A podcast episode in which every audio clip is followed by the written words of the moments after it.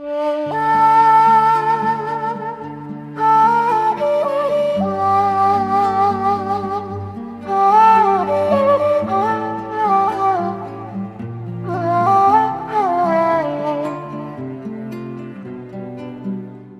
أوائل الأشياء اللي عملها صلى الله عليه وسلم أول ما وصل للمدينة وبركة الناقة في مكان مأمورة بيه من ربنا وقعد في دار أبو أيوب الأنصاري إنه سأل على الأرض دي. إن الناقة بركت فيها. بتاعت مين؟ هتعمل إيه يا سيدنا النبي؟ هبني المسجد النبوي هنا. أول حاجة. فعرف إن هي ليتيمين اسمهم سهل وسهيل وكان بيربيهم سيدنا أسعد بن زرارة أول من خطب الجمعة مع سيدنا مصعب بن عمير لو تفتكر من فترة. فجم اليتيمين فقال ثامنوني بأرضكم. يعني قولوا لي الثمن وأنا هشتري. قالوا لا يا رسول الله. خذها هبة نطلب الثمن من الله. فرفض النبي عليه الصلاة والسلام.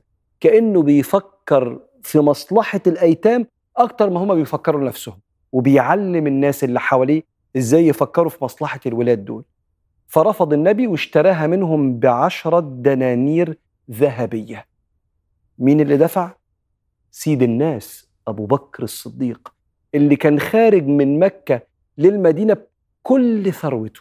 فدفع عشر دنانير ولو الناس بتصلي في المسجد النبوي دلوقتي افتكروا المسجد ده اتبنى بفلوس سيدنا أبو بكر الصديق. وبدأ النبي عليه الصلاة والسلام يشترك مع الصحابة في بناء المسجد النبوي.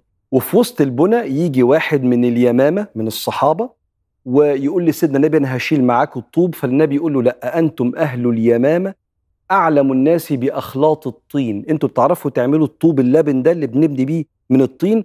تعرفوا التركيز بتاعه كويس فسيب الشيل إحنا هنشيل. وأنت اخلط لنا الطين. كأنه صلى الله عليه وسلم بيوزع المهام بحسب تخصص كل واحد. فقعد صاحبنا اللي من اليمن يعمل الطين وبالنسب بتاعته عشان تطلع الطوبة أو اللبنة في منتهى القوة وتستحمل البناء. وبدأوا يقطعوا النخل ويجيبوا الجريد علشان يعملوا بيه السقف. وسيدنا النبي أول من بدأ في العمل. عشان يشجع كل الناس محدش يقعد. لدرجة إن الأنصار أول ما شافوا النبي كده قالوا لئن قعدنا والنبي يعمل فذاك منا العمل المضلل. إحنا ما ينفعش نبقى قاعدين وسيدنا النبي شغال كده يبقى عمل مضلل. فكله حط إيديه مع النبي عليه الصلاة والسلام. وبدأ الأنصار يغنوا. اللهم لا عيش إلا عيش الآخرة فارحم الأنصار والمهاجرة. عمالين بيرتجزوا الارتجاز كأنهم بيغنوا بينشدوا. عشان يسلوا نفسهم في وسط العمل الشاق في الشمس هما بيبنوا المسجد. وسيدنا النبي يردد وراهم ولكن بكثرة في الشعر. يقول اللهم لا عيش إلا عيش الآخرة فارحم المهاجرين والأنصار. مش فارحم الأنصار والمهاجرة. ليه؟ لأن وما علمناه الشعر وما ينبغي له. لا يقول الشعر صلى الله عليه وآله وسلم. فكسر الوزن بتاعتها لأن ربنا أوحى ليه ألا يقول الشعر صلى الله عليه وسلم مش عشان الشعر حرام بس عشان كل ما يقوله قرآن صلى الله عليه وسلم أو حديث النبوية. وفي وسط ما هم بيبنوا كده كان سيدنا عمار ابن ياسر هم كل واحد يشيل طوبة وهو يشيل طوبتين. يشيل طوبة هو يشيل طوبتين فشايل وزن تقيل قوي. فيجي صلى الله عليه وسلم ويطبطب على كتفه كده ويقول له ويحك يا ابن سمية تقتلك الفئة الباغية. انت هتموت شهيد واللي هيقتلك هو اللي هيبقى ظالم وانت هتبقى مع الفريق المظلوم اللي معاه الحق. معلومة قالها سيدنا النبي استفاد بيها الصحابة بعد سنين طويلة لما حصل قتال ما بين فرقتين كان فيهم سيدنا عمار ابن ياسر. وينتهي بناء المسجد النبوي. اللي كان مساحته وقتها ما يقرب من حوالي أزيد من ألف متر شوي. ولما تروح المسجد النبوي هتلاقي كده في عمود من العواميد قريب من الروضة الشريفة جدا جدا مكتوب فيه حد مسجد رسول الله. عمود كده يغلب عليه اللون البني. تعرف إن ده المساحة اللي كانت موجودة أيام سيدنا النبي عليه الصلاة والسلام. المسجد النبوي اللي الصلاة فيه كما قال صلى الله عليه وسلم بألف صلاة فيما سواه. اللي لما تروح المسجد النبوي تخش تحس بريح الصحابة وبروح النبي عليه الصلاة والسلام وتحس ببركات وأنوار ما تشبهش أي مكان في الكون. طبعا ببركة إن سيدنا النبي مدفون فيه عليه الصلاة والسلام وببركة كل نقطة عرق نزلت من أشرف الأجيال جيل الصحابة والنبي النور معهم. إن سيدنا النبي عليه الصلاة والسلام أول حاجة يعملها في المدينة بناء المسجد النبي ينور لك حتة مهمة في حياتك. إن المسجد مركز البلد مركز المدينة اللي هم عايشين فيها. ولازم المسجد يبقى مركز حياتك. المسجد اللي كل خطوة ليه بترفعك درجة وتحط عنك خطيئة.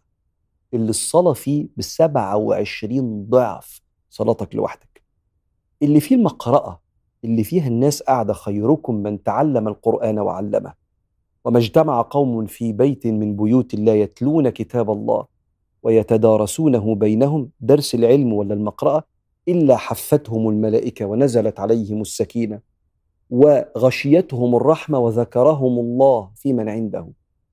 فمهم يبقى علاقتك بالمسجد كده زي ما النبي عمل ونور لهم طريقهم وحياتهم. المسجد أول حاجة بتتبني وإحنا بنبني بلدنا. فوانت بتبني نفسك حتى في الحياة يبقى أول حاجة كده في أولوياتك بيت ربنا. الحاجة التانية المهمة خدت بالك من المود اللي كان مسيطر أثناء البناء؟ المود دي كلمة إنجليزية ترجمة مش ترجمة طبعا يعني شبه يعني كلمة الحال حال القلب. بنبني بجدية سيدنا النبي بيعمل أصعب مهمة وهي شيل التراب ووضع الطوب حاجة يعني مش سهلة ويتغير شكل اللون جلد النبي عليه الصلاة والسلام من كتر التراب اللي شايله. والصحابة كل واحد فيهم اللي قادر يشيل لبنة يشيل واللي قادر يشيل اتنين وعشرة يشيل. هما بيغنوا. الأناشيد شغالة وأغاني شغالة وكلمة يتغنى يعني يقول شعر ولكن بصوت حلو كده وبألحان عارف مش كل حاجة شجن. الخشوع ساعات بيبقى شكله في صورة عياط وبكاء وجسم يعني إيه مقشعر كده وساعات الخشوع بيكون في صيغة أغنية. نشيد جميل بنذكر فيه ربنا ونذكر فيه سيدنا محمد عليه الصلاة والسلام ونذكر فيه فضل ربنا علينا وكرم ربنا علينا.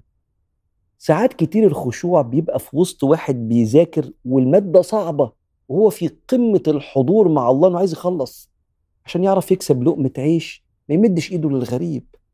فلو خدت بالك من حالهم وهم بيبنوا الجامع وهم بيغنوا تعرف إن أبواب ربنا كتير ما دام قلبك مع الله فأنت خاشع.